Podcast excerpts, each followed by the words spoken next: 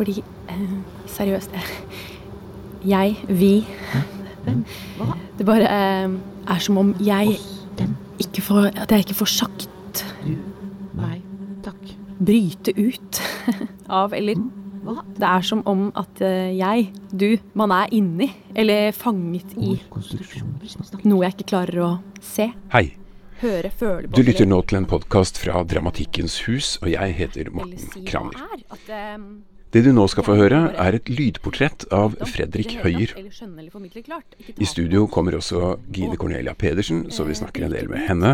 Og det er Gine du hører i bakgrunnen her nå, i en scene fra Fredriks hørespill 'Bjørnene'. Gine kommer inn litt senere, så vi stiller Fredrik det uunngåelige spørsmålet hvordan begynte du å skrive? Fredrik, hvordan begynte du å skrive? Eh, nei, det kommer jo gjennom uh, hiphop, da. Jeg er jo eh, sønn av to norsklærere. Jeg var eksponert for veldig mye eh, bøker og sånn, da. Og de prøvde alltid å på en måte få meg til å begynne å lese. Jeg var ikke så veldig glad i det, men jeg fikk veldig tidlig eh, fascinasjon for eh, rap og hiphop, da. Og så, da jeg eh, var 17-18 så blei jeg invitert til å på en måte begynne å lese tekstene mine uten, uten musikk, da. Først på eh, bare sånn kulturscener i Drammen, liksom. Og så hadde jeg det som en, sånn side... Eller det var en slags hobby, da. I veldig mange år, mens jeg studerte og sånn. Og så eh, skrev jeg en roman, og da på en måte fikk jeg en slags sånn serie av måte, eh, i, i, i kreative gjennombrudd når det kommer til den måte, opptredenformen da, som jeg hadde drevet med. Hvor jeg så en kar som het Soul Williams på um, Oslo konserthus. Og han fremførte sine egne tekster. Det er da liksom sånn spoken word-poesiens uh, Tupac, på en måte. da. Med fullt orkester og Og da husker jeg gikk derfra og jeg liksom trippa. Og etter det så bestemte jeg meg for å på en måte prøve å skrive litt lengre sjøl, da. Bare presse grensene for hva jeg både ville skrive og greide å huske og fremføre, på en måte. Jeg var jo ikke så erfaren da på det. Så ble jeg kjent med Mattis, og øh, jeg hadde gått på skole med øh, veldig kul eh, dame som het Synne, som drev et, eh, skulle starte et forlag. Så da starta jobben med det som senere ble Grønlandsutran. da. Og da hoppa jeg av studiene. Skulle egentlig starte på en master eh, i litteraturvitenskap. Og eh, egentlig satsa eh, ganske hardt på det. Og det gikk overraskende bra.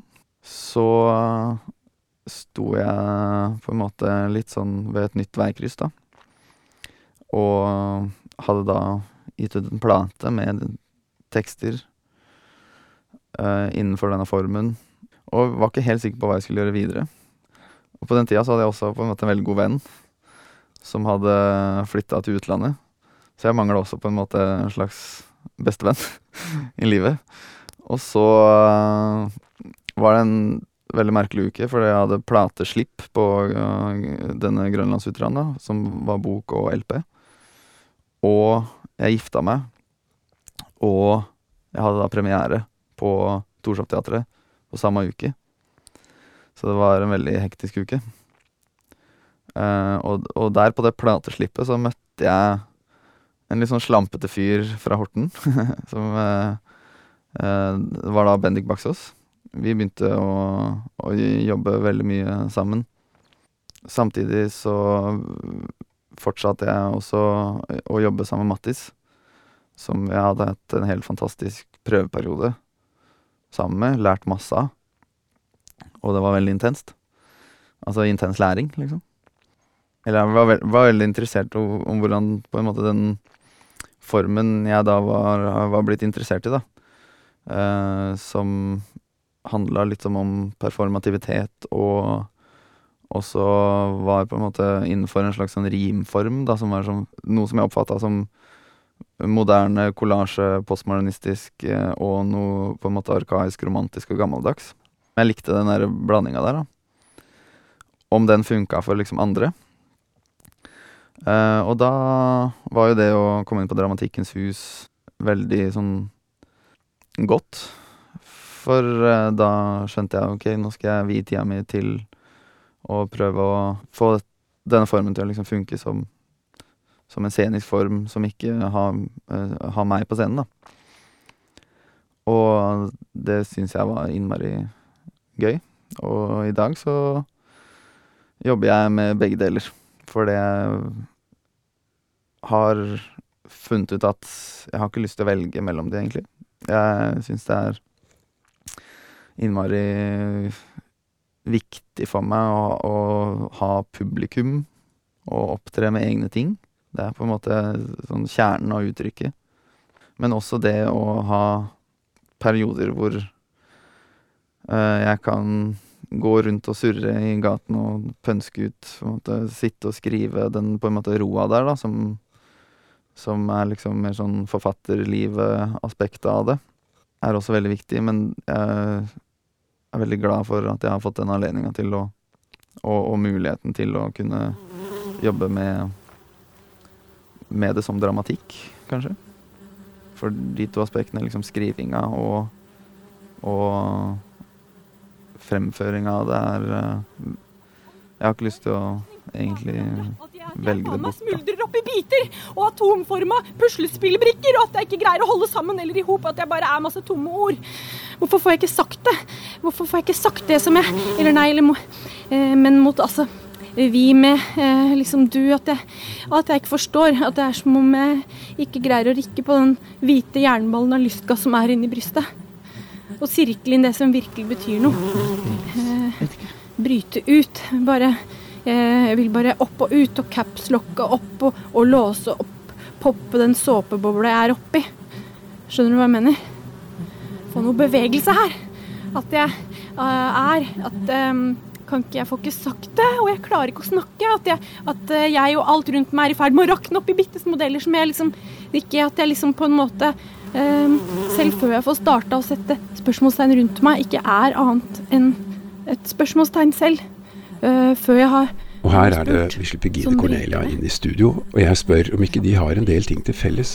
Vi har kanskje litt sånn lik Ja. Satt og tenkte på den akkurat nå, faktisk. At energi Eller det er et eller annet sånn Føler meg litt sånn i familie med deg på en eller annen måte. Kunstnerisk, kanskje. Um, det er i hvert fall digg å ha noen som du kan snakke med mm, og møtes, og, og som veit at kan relatere seg til både det det ene og det å andre. spille Mm. ut for Ja. publikum og det å sitte foran skjermen, da, som er to veldig forskjellige Mm. ting, men som begge vi på en måte har valgt å vie Ja. tida til. Da. Så Fordi at jeg tror vi har Eller det er akkurat det samme, bare at vi har motsatt um, inngang. Fordi min inngang Jeg skulle studere til å bli skuespiller, mens du skulle studere litteratur. Ja, var det sånn? Og så ble ble det- ja. Ja, og så ble jeg jo antatt rett før jeg kom inn på Teaterhøgskolen. Jeg tenker at den måten vi ligner på, er nettopp det med å stå med så mange føtter, holdt jeg på å si. Jeg føler jeg, har, jeg står liksom Eller jeg har så mange hatter som jeg driver og eh, fyller forskjellige roller, da.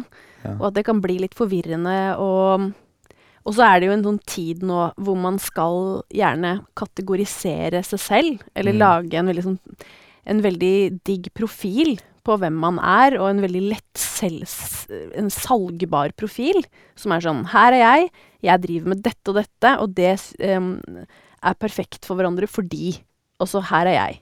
Dette er meg, jeg er en vare. Jeg får ikke til det å kategorisere meg selv sånn så enkelt på den måten kunstnerisk. Det er akkurat som du sier, man, man uttrykker seg kunstnerisk.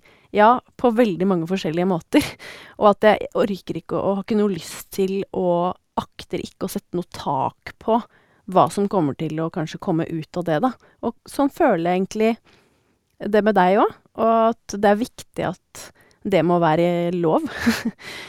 jeg tror egentlig, dypest sett, at jeg liker best å sitte på bak ting. Altså, jeg tror at er på tross av eh, at, jeg sitt, at jeg står foran et kamera eller på en scene, da, fordi Så jeg bruker mye energi på ofte å fremføre ting. Men det er jo noe jeg hele tiden liksom prøver å finne ut av hvorfor, da. Men øh, jeg får jo veldig mye energi av å se Fredrik opptre, fordi at det er akkurat som at han har frigjort et eller annet potensial som jeg selv ennå har en sånn Ikke har løst knekt helt koden på, rett og slett. Og at jeg får en veldig sånn følelse av ehm, frigjøring eh, og forløsning når jeg ser Fredrik opptre. Og jeg blir litt sånn Jeg blir veldig Hva heter det? Eh, ivrig og veldig sånn wow. Ja, jeg blir alltid helt over meg av begeistring av det. Så jeg tror at jeg kan eh, ja, lære noe av det, eller at det er noe som jeg kan studere for å kanskje finne ut hvor mine sceneskrekkblokkeringer ligger. Mm. Kanskje du kan coache Har meg litt? du se, er, er det det du sier? Se, du har på en måte Kjenner du på sånne ting? Ja, veldig, altså. Mm, det har jeg veldig. Det hadde jeg aldri i livet trodd. Jøss, hadde du ikke det? Nei. Du virker yes. beinstø, liksom. Altså fjellstø, mener jeg. Jøsses kake. Ja. Ja. Nei, jeg tar ofte sats, da. Det er noe jeg gjør mye. At jeg hopper på en måte ut. Det føles som jeg er hopper i fallskjerm hver gang jeg gjør det, liksom. Og Ja. så blir jeg litt bevisstløs, og så eh, ser jeg liksom hva som har skjedd etterpå. Og da har det hendt at det har gått veldig dårlig òg, men det, men det kan jeg liksom det, det er ikke det at jeg ikke kan leve med at det går litt dårlig, det er bare det at jeg bruker så Hva skjer med teksten, da? ufattelig mye energi på Ja. det. Ja. At jeg blir helt utmatta Ja. av hver sånn ting. Hvert foredrag jeg holder, så er det liksom Jeg er nesten ute en uke etterpå, for jeg har liksom bare Ja. Det er en slags selvsentrerthet i det, tror jeg egentlig. Det der å være så redd for å stå foran folk. Jeg, det er i hvert fall det Ja. Det må være noe som gjør at jeg føler meg så eksponert på en eller annen måte, eller ja. Hm. Men jeg får jo mye adre- adrenalin av det også.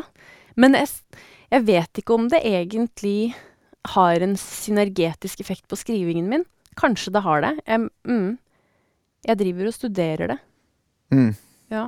Det virker som du har funnet en veldig synergi på det å opptre og skrive, og opptre og skrive. At det er liksom Det henger sammen for deg, eller at du holder det hjula i gang. Da er du kreativ, da produserer du.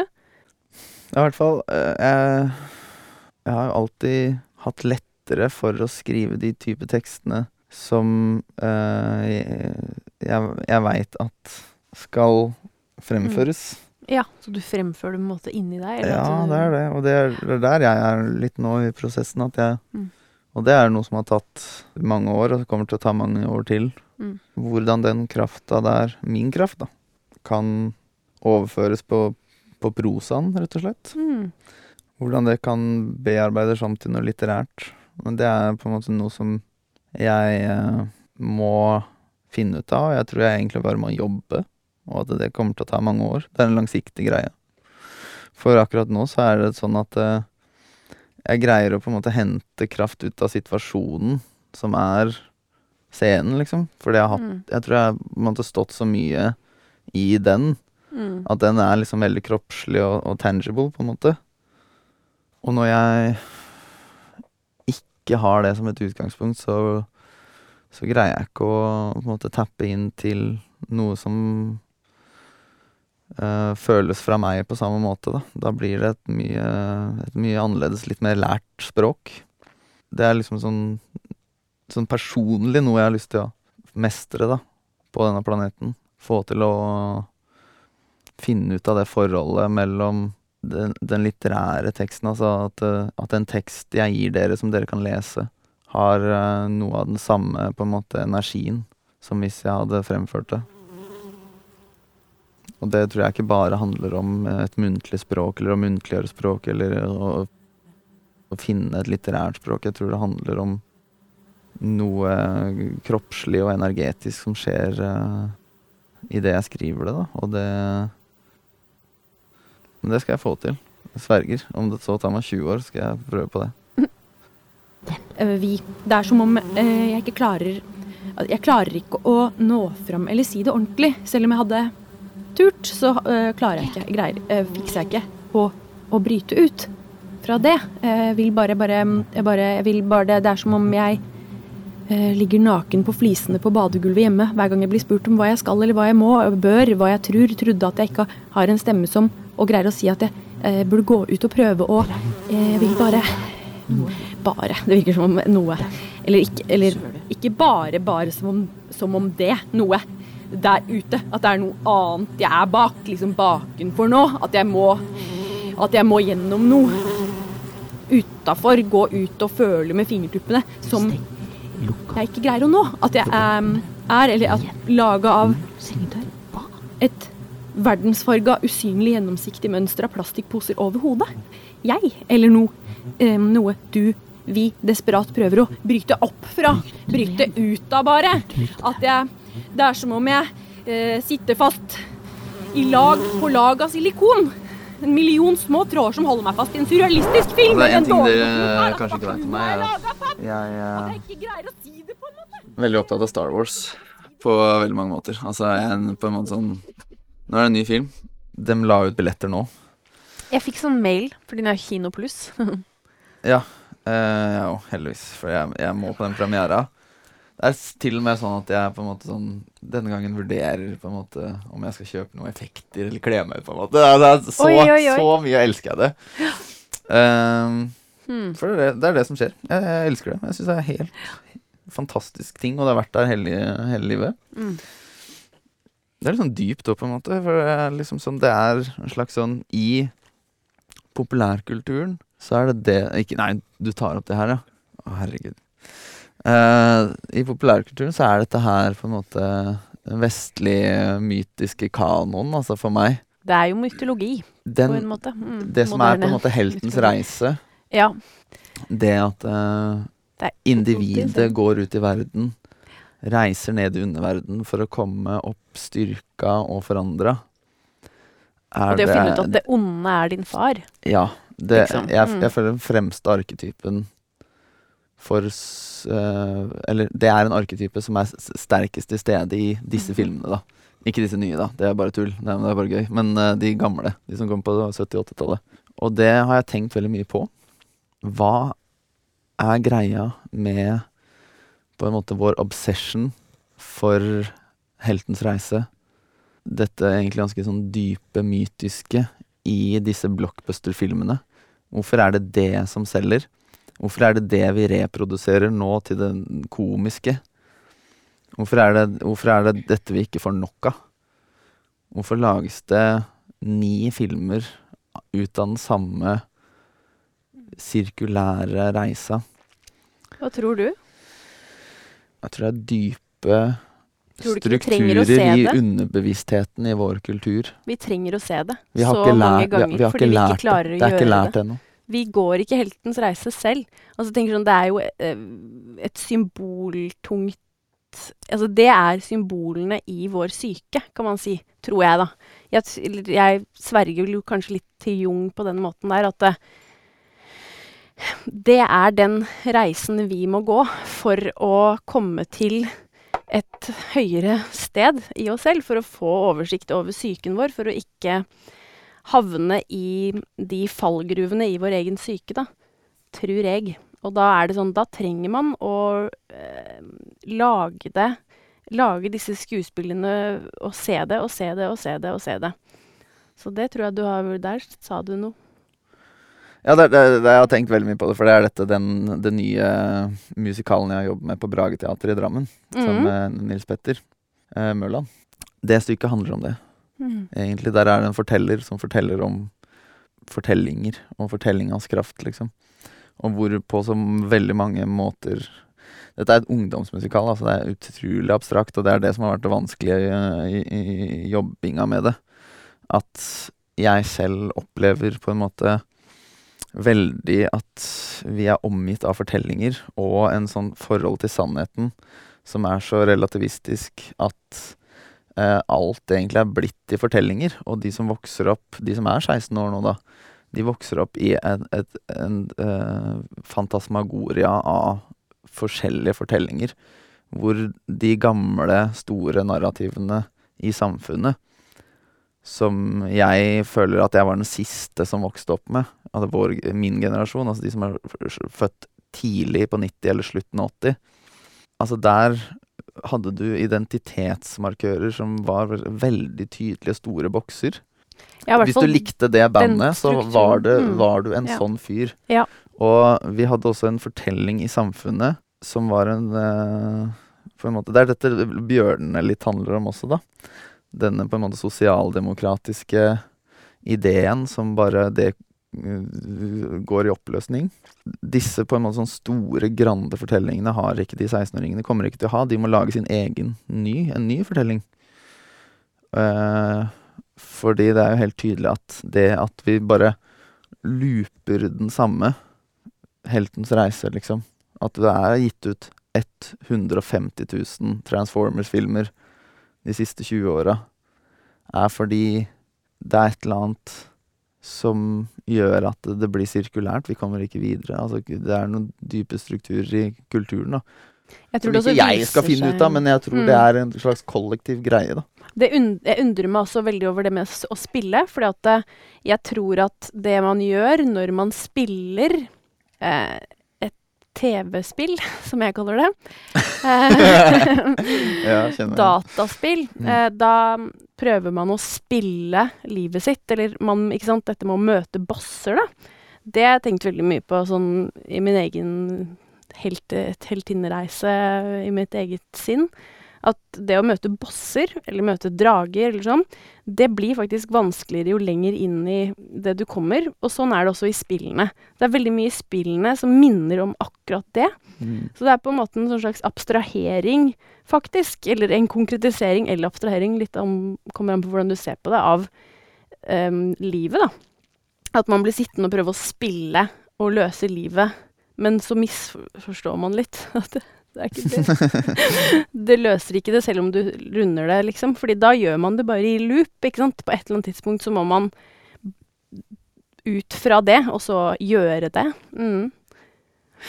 Så det er bare veldig underlig.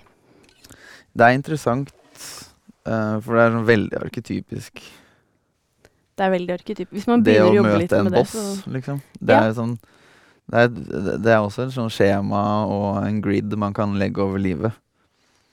Uh, at det handler om at du må gjennom den leveren, og så må du levele opp. mm. Gjennom å overkomme en siste boss. Og så er du klar for en ny level, men der også er det en boss. Du begynner jo bare på nytt. Altså, det er jo bare Spillet kommer jo bare på nytt. Men sånn er det jo i livet også. Sånn at det er jo på en måte Det er jo egentlig sant.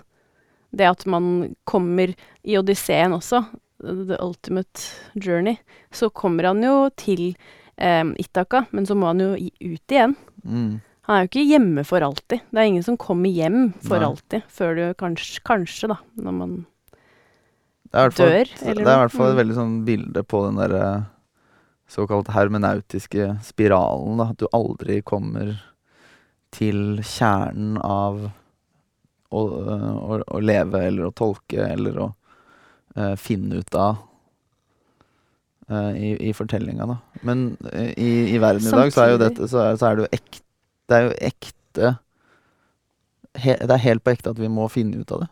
For det er liksom sånn Ja. livene våre er også konstruert rundt narrativer som Ja, blant annet som det parkeringsgreiene vi snakker om, ikke sant. Mm.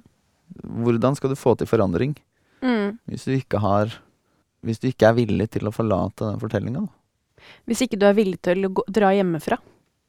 Ja, det òg, Mm. for så vidt. Jo, men der det er trygt, der det, det du kjenner, det du eh, Det er jo det ikke sant, Odysseus gjør, han drar hjemmefra. Han må dra hjemmefra. Han må dra fra kona og barna sine og dra ut og møte det ukjente og alle de fristelsene som ligger der, og må falle. Altså det er det at å falle i vår kultur er en sånn Det er en ting vi holder oss fra å gjøre. Men ingen reell endring kan skje da, hvis ikke vi faller, og faktisk faller i fritt fall, uten å være sånn 'nå faller jeg skikkelig', og så tar man bilde av seg selv mens man faller, og legger det ut. Og bare sånn 'shit, nå falt jeg'. Mm. Vi prøver å kontrollere, kontrollere, kontrollere fallet, da. Mm. Så det er veldig kult å høre at det er en drivkraft for deg i ditt kunstnerskap. For det kjenner jeg Jeg fall at det kjenner jeg er veldig sånn- enig i det motsatte. da. Det å på en Mm. måte sånn Jeg har brukt ufattelig mye tid på å planlegge friheten jeg skal gjøre. At du, du sitter og planlegger Ok, da skal jeg drive med det, og da skal jeg drive med det. Ja, ja, ja. Altså du planlegger prosessen fram i tid. Og så sitter man og planlegger i tre uker og finner ut at bare sånn Nå kunne jeg jobba i tre uker. Og så har man egentlig ikke gjort en dritt, man bare sitter og planlagt. Mm. Ja, akkurat det er en sånn morsom ting knytta til hvordan jeg, jeg, jeg opplever hverdagen min. da At jeg, Det er på en måte sånn høyre-venstre dualisme, jernaldelaktig greie Mm. eh, som jeg prøver å finne ut av. Ja, hvordan gjør du det? Nei, De siste åra så har jeg jo egentlig tatt innover meg at eh, en viss grad av left brain thinking må til. Mm. Eh, Så du velger på en måte å akseptere den siden av det. Du sier sånn Det her, det skjønner jeg at må til, og så velger du å eh, delta i det da, på en veldig ansvarsfull måte, egentlig. jeg veit ikke helt, altså, men jeg prøver å finne ut av det greiene der. Og, uh, nei, jeg prøver ikke ta ansvar. Ansvaret er på en måte den- jeg, jeg, Ja. Jeg, Jo, du svarer an Ja, ok. til din oppgave. Ja, ja. Jeg jobber jo på en måte hvor jeg, har veldig lett for å på en måte gå inn i på en måte hjertet. Men jeg må bli flinkere på Jeg syns at du tenke virker som du gjør en god jobb da, med det med hodet.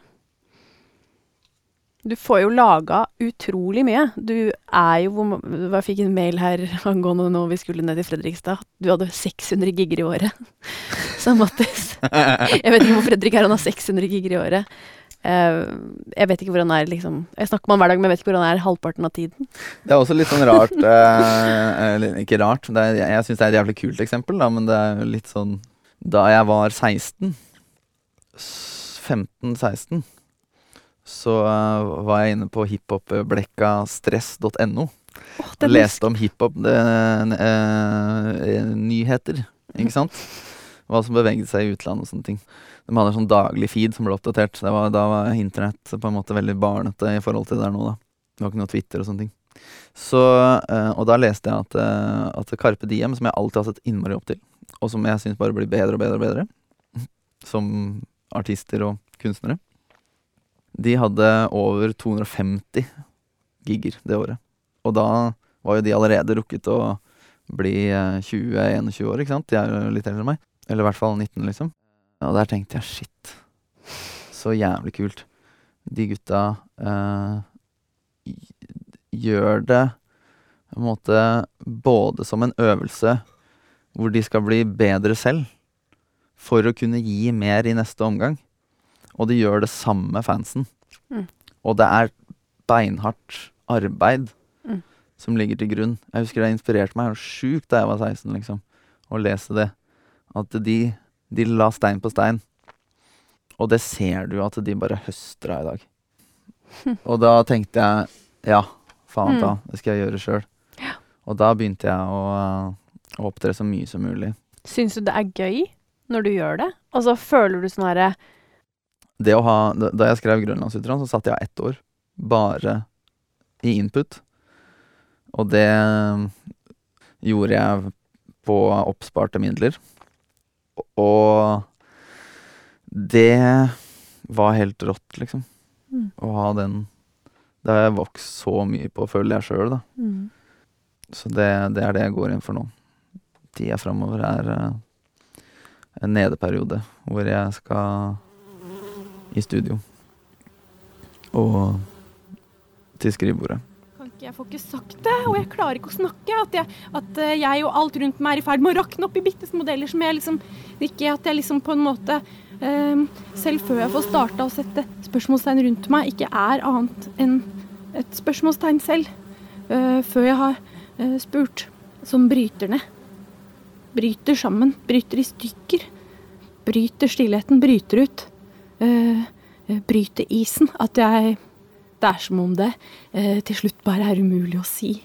Prate, gjøre. Nå um, gjennomføre noe. At jeg er eh, Fryst fast. At jeg er fryst fast og ikke klarer å eh, bryte ut.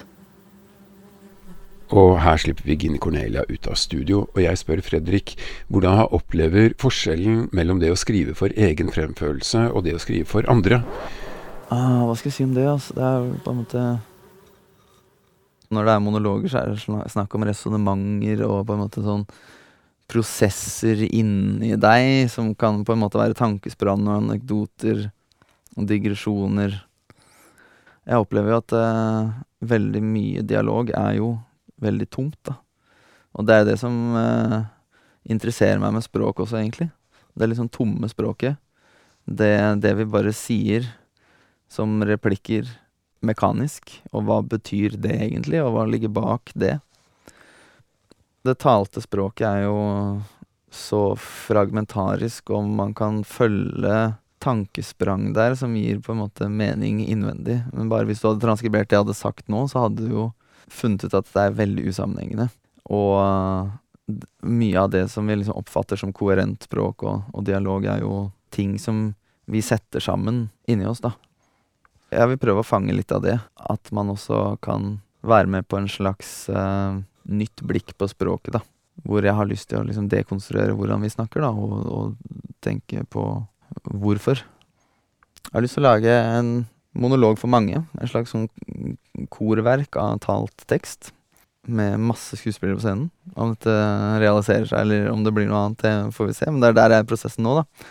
Har lyst til å lage noe skikkelig maksimalistisk basert på den samme formen som uh, f.eks. Grønlandsutran var, da. Med repetisjoner og digresjoner.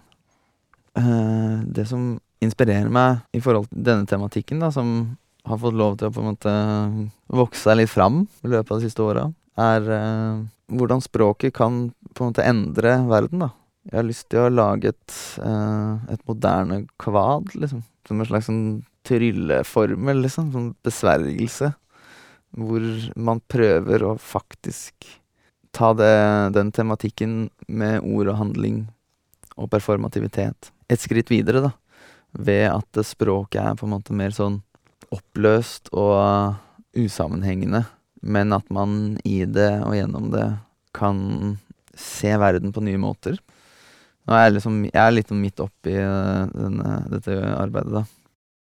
Jeg elsker jo modernistisk poesi på et vis, og identifiserer meg veldig med den graden av eh, seriøsitet som ligger til grunn i det modernistiske poetikken, kan du si. Da. At man skal liksom undersøke eksistensielle vilkår, livet, døden, hva det vil si å være menneske på jorda i samtida si, liksom. Og så finnes det jo tusen helt sånn rystende forfatterskap innenfor det igjen, da. Og også i teatret, sant. Men om det er teater eller poesi, er, er jo eh, jeg ikke så innmari opptatt av. Fordi til syvende og sist så føler jeg også et veldig slektskap med en type muntlig litteratur som da kommer fra den afroamerikanske kulturen i USA. Som igjen kommer fra Afrika, og Vest-Afrika har en veldig sterk muntlig fortellerkultur. ikke sant? Og jeg syns det er interessant hvordan mye av det som karakteriserer liksom den muntlige sjangeren, er uh, til stede også i vår norske liksom, folkediktning og folkemusikkultur. da. Uh, dette med rim, dette med gjentagelser, ikke sant. Det er uh, ting som ligger lagra i oss, og som vi også har brukt i mm, tider hvor det ikke fantes papir eller data, eller hvor det i hvert fall var veldig dyrt med, med nedtegna ting, og det var også stor grad av analfabetisme, ikke sant, så det var ikke så mange som kunne skrive eller uttrykke seg, og det uh, er uh, i dag en veldig viktig på en måte politisk uh, funksjon også i mange steder i, i Vesten. Og, og det er jo en tradisjon som eh, spoken word, altså, som kommer, springer ut av Eller springer ut fra samme tradisjon som, eh, som hiphop og, og rap, som igjen kommer Man kan trace tilbake gjennom jazz og blues og tilbake til spirituals, hvor eh, dette var en måte for et uh, kidnappa folk da, som var altså, de, de hadde fått fjerna navnene sine. ikke sant? De var plassert vekk fra familien sin, røva fra landet sitt. Hadde ikke noe identitet. da. Og eh, de hvite masterne gjorde jo alt for å slette den identiteten også. Og gjennom de, disse på en måte sånn måtene å ivareta kulturen sin på, nemlig det muntlige og det fortellende, så mener jeg at det fins på en måte en kilde til hvorfor veldig mye sånne type tekster i dag har veldig kraft, da, og handler om rett min til å ytre meg. Hvem er jeg? Identiteten. Hvem er vi, ikke sant? Eh, som folk. Og på en måte dette er kulturen vår, da. Det er en slags sånn insistering og nekting og slagkraft i det. Og dette igjen har jo ført til at jeg har vært veldig sånn opptatt av, mer eller mindre ubevisst kanskje, om at det er vel den liksom kraften i orda, hva slags effekt orda har på oss, altså ordas virkning, som jeg tenner på når det kommer til, øh, til språk. Da. Og jeg er veldig opptatt av, av det, den delen av språket. Men det er en annen uh, effekt jeg mener at det rimet da, kan ha. Rimet er på en måte veldig sånn øh, jeg, jeg mener det har dårlig rep. Eh, fordi det er Det kan være litt enkelt å skrive, ikke sant. Det kan være en enkel måte å lage tekster på, hvor du Det som kalles for nødrimer, det ser jeg på som at man bare tar to ord som rimer, og så finner man på en sammenheng for det. Og det er sånn teksten oppstår. Og jeg tror også at det, det handler om eh, historiske ting, da, der hvor på en måte romantikerne dyrka denne formen, og det var en veldig sånn en, det var den tidas strenge ting. Så var den frie formen eh, i modernismen det at det ikke rimte, en, en rebelsk handling, da. Allikevel så liker jeg det liksom Den effekten et rim har, var jo det som gjorde meg interessert i skriving i det hele tatt, gjennom rap. Hvordan den eh, viser fram en annen type meningsdimensjon i språket, da. I det jeg hører et på en måte en punchline eller et, en kreativ flipp eller noe som på en måte bare i seg selv har en slags sånn Det høres snertent ut. Jeg, jeg, det er jeg, sånn jeg vil forklare det. Høres, det er snertent. Og det er vel på en måte det muntlige rimets på en måte sånn eh, andre effekt. Ikke bare at det er liksom eh, memo-teknisk enkelt å huske, og at det på en måte fordi eh, det, har vært en teknikk som vi har raffinert gjennom lang tid. At det er sånn hjernen vår eh, veldig lett kan huske. At det ene fører til det andre, eller at disse gjentagelsene kommer til å skje. Og det gjør at, det, at du kan ha sånne strukturer som er veldig symmetriske, da. Og derfor blir det enklere å huske. Så er det også dette med snertenhet. Altså, det, liksom, det høres eh, Det har en annen form for katarsis å høre at eh, noe har en uventet vri, eller rimer uventet på noe annet. Og det er det jeg syns er på en måte litt av sånn kunsten i det, da. Det er det jeg streber litt sånn etter i akkurat disse tekstene. At det skal At man ikke skal forvente det. Altså nødrimene er jo noe man ser komme. Jeg syns også nødrimene kan ha sin plass, da, men kanskje ikke i, i, i den samme rytmen. For det med en gang det blir på en måte i, lett å se komme, så, så mister teksten kraften sin. Da. Men idet man greier å vise fram at ja, de tinga passer sammen, eller at det, det Sånn har jeg aldri tenkt på det før, som også er liksom ordspillets greie, da. Så ser man på språket i et litt nytt lys. Og det, det har en verdi i seg sjøl, da, for meg. Reint over så, så er jeg veldig opptatt av hvordan litteraturen, men også teatret, er måter å se andres verden på. Dette er det som inspirerer meg også til å drive litt grann som skuespiller. Det at man går inn i en, en annen kropp enn seg selv, en annens verden, da. men som alltid da også er en slags sånn versjon av meg sjæl. Det er jo det samme som skjer når jeg leser en hvilken som helst forfatter, eller om en hvilken som helst karakter, da, eller romanperson. Eller lyrisk jeg. Det er å trene empatimuskelen, liksom, og det fins en kontakt der. Og der, et eller annet sted, i de store orda der, så øh, føler jeg at det fins et, et, øh, et omdreiningspunkt for meg i å jobbe som skuespiller eller musiker, og det å skrive, og det å lese og være publikum. Jeg har ikke helt greid å sette ord på det, men jeg ser for meg at det fins et felles kontaktpunkt der, da, som øh, ikke trenger å være felles for alle, men som hvor jeg ser på alt som en samme greie. Det er vel grunnen til at jeg driver med disse forskjellige tingene. At jeg ser på det litt som stor, eh, et stort prosjekt, da. Du har hørt Fredrik Høyer i samtale med Gine Cornelia Pedersen og Morten Kranner. Du hørte Gine Cornelia i en scene fra Fredriks hørespill 'Bjørnene', laget på Dramatikkens hus med regi og lyddesign av Morten Kranner. 'Bjørnene' kan du høre i sin helhet på Dramatikkens hus sin nettside og på iTunes. Dette var en podkast fra Dramatikkens hus 2020.